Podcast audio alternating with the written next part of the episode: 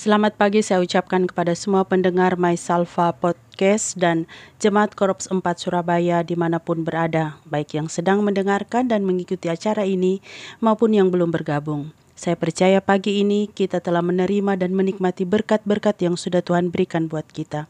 Sebelum kita mendengarkan bagian firman Tuhan, terlebih dahulu saya mengajak kita berdoa. Mari kita berdoa. Bapa kami yang ada di sorga, pada pagi ini kami datang bersyukur kepadamu karena pertolonganmu bagi kami semua. Kami mau memuji dan mengagungkan Engkau sebab hanya Engkau Allah yang patut kami puji dan muliakan. Kami berterima kasih untuk hari yang baru yang sudah Engkau berikan buat kami. Terima kasih untuk istirahat sepanjang malam yang telah disertai dan diberkati Tuhan. Saat ini kami mau membaca dan mendengarkan firman-Mu. Kami mohon Roh Kudus, bantu dan arahkanlah kami sehingga kami mengerti apa maksud Tuhan buat kami pagi ini. Kami serahkan waktu ini kepadamu Tuhan, terpujilah namamu, di dalam nama Tuhan Yesus Kristus, kami sambut firmanmu pada pagi hari ini. Amin. Pendengar yang diberkati Tuhan, pembacaan Alkitab pada pagi hari ini terdapat dalam Matius 22 ayat 37 hingga ayat yang ke-38. Demikian firman Tuhan.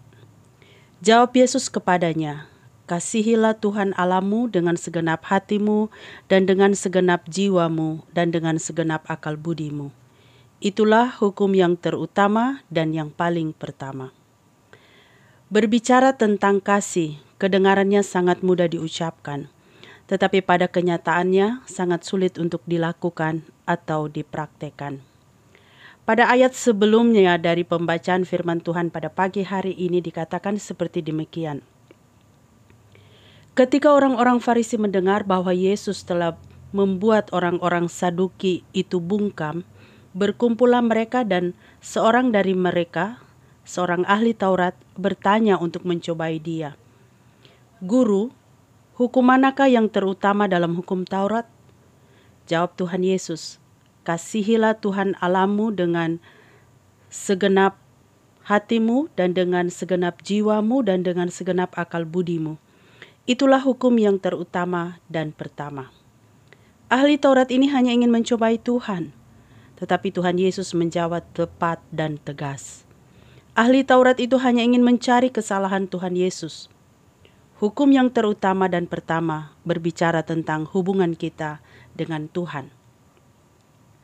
Bagaimana hubungan kita dengan Tuhan? Sudah baik? Sedang baik? Kurang baik? Atau sama sekali tidak? Connect. Tidak ada hubungan. Bagaimana kita menunjukkan kasih kita kepada Allah? Seperti apa? Seperti apa kasih yang akan kita berikan kepada Allah? Pagi hari ini mari kita belajar bersama-sama. Yang pertama, Kasih kepada Allah adalah kasih yang menuntut sikap hati kita. Sikap hati seperti apa yang Tuhan mau dari dalam diri kita. Bagian pertama dikatakan sikap hati yang begitu menghormati Allah. Dimulai dari dalam diri kita, dari dalam hati kita. Kalau dalamnya baik, pasti yang ditampilkan juga baik. Sikap hati seperti apa yang Tuhan mau berikan yang kita mau berikan kepada Tuhan, yaitu sikap hati yang menghargai Allah. Dia yang menciptakan kita. Kita harus ingat bahwa Dia yang memberi kita kehidupan. Kita harus ingat bahwa Dia yang menebus dosa-dosa kita dan memberikan keselamatan kepada kita. Sikap hati seperti apa yang Tuhan mau kita berikan kepadanya, yaitu sikap hati mau dengan sungguh-sungguh merindukan persekutuan dengan Dia.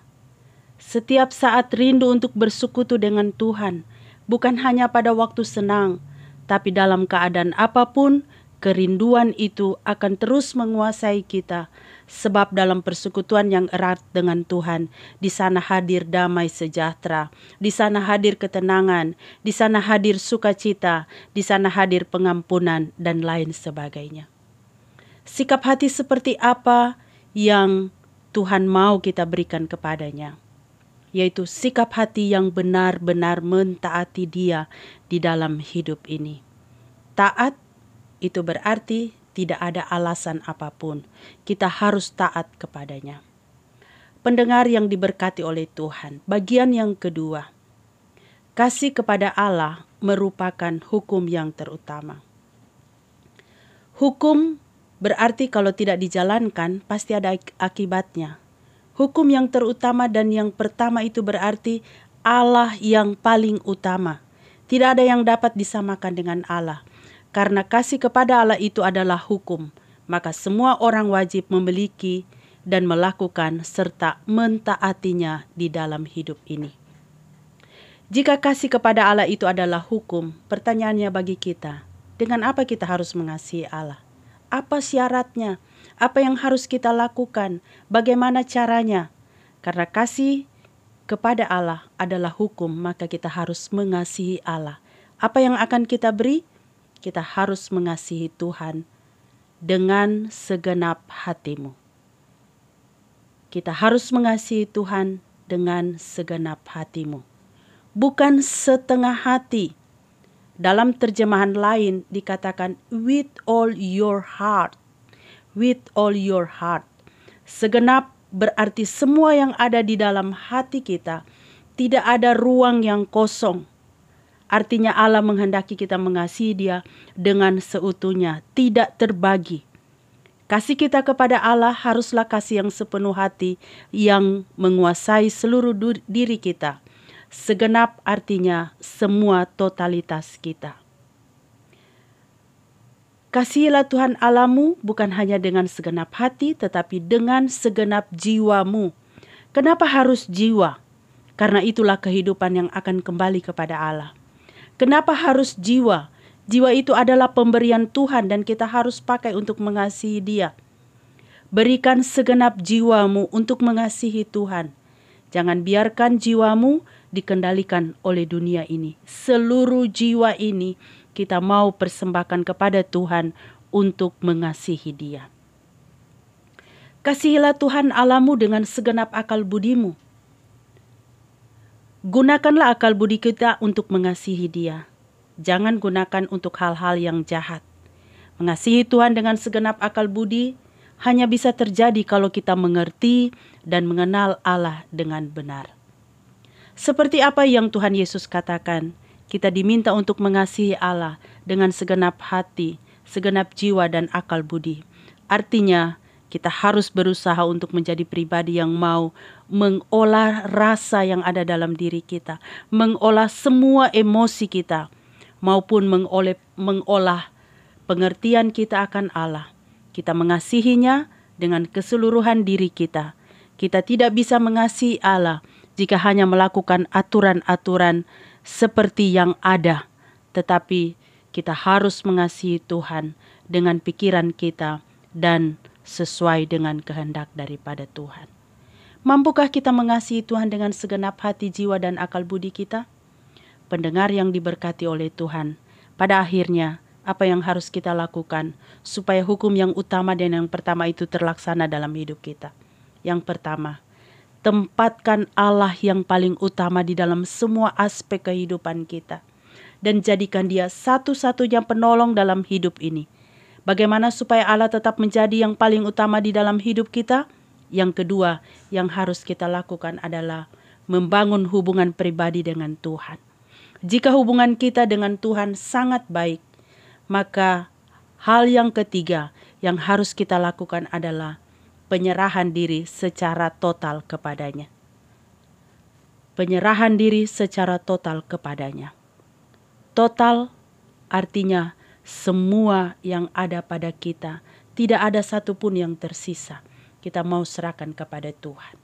Dan jika kita sudah serahkan diri kita kepada Tuhan secara total, maka sudah pasti kita akan mengimani Dia dalam hidup ini. Beriman kepadanya, bagian yang keempat. Akui Dia dalam segala hal. Beriman bukan setengah-setengah, tetapi beriman dengan kesungguhan hati. Beriman kepadanya berarti apa pun yang terjadi dalam perjalanan hidup ini, saya percaya Tuhan ada bersama. Dan yang terakhir adalah taat dan hidup sesuai dengan standar Tuhan, bukan standar kita. Tempatkan Allah yang paling utama dalam hidupmu, maka engkau akan melihat bagaimana Dia melakukan perkara yang besar dan yang tidak pernah engkau pikirkan. 1 Korintus 2 ayat 9 mengatakan, apa yang tidak pernah dilihat oleh mata dan tidak pernah didengar oleh telinga dan yang tidak pernah timbul di dalam hati manusia, semua yang disediakan Allah untuk mereka yang mengasihi Dia. Demikian firman Tuhan pada pagi hari ini. Tuhan kiranya memberkati kita semua. Mari kita berdoa. Tuhan Yesus yang baik, terima kasih untuk firman-Mu pagi ini. Roh Kudus tolong kami semua untuk mengerti maksud-Mu.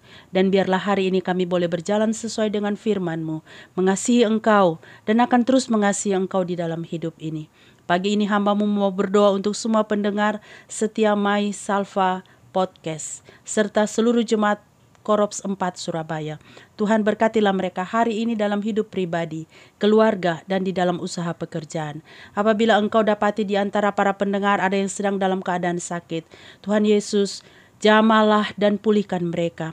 Apabila ada di antara mereka yang sedang dalam kesulitan dan pergumulan hidup, Tuhan Yesus Engkau adalah jawaban dari setiap masalah yang sedang mereka hadapi. Apabila ada di antara para pendengar yang sedang bersyukur karena usia mereka ditambahkan, ataupun apa saja yang sedang terjadi dalam kehidupan mereka, Tuhan terimalah ucapan syukur mereka. Hamba juga mau berdoa untuk program ini dan semua yang mendukung serta menyusun program ini. Tuhan berkatmu ada di atas kehidupan mereka. Dan terus pakai mereka untuk menjadi berkat lewat setiap acara dan program yang mereka siapkan dan bagikan bagi semua pendengar acara ini. Hamba menyerahkan semua pengurus dan kru My Salva Podcast serta Jemaat Korops 4 Surabaya ke dalam tanganmu. Berkatilah mereka dan terus pakai mereka juga untuk menjadi saluran berkat di mana pun mereka berada. Hamba percaya hari ini, besok dan hari selanjutnya ke mana pun dan di mana pun mereka pergi. Ke sanalah berkat-berkat Tuhan mengiringi perjalanan hidup mereka. Terima kasih Tuhan Yesus, inilah doa kami. Di dalam nama Tuhan Yesus Kristus kami sudah berdoa. Amin. Amin.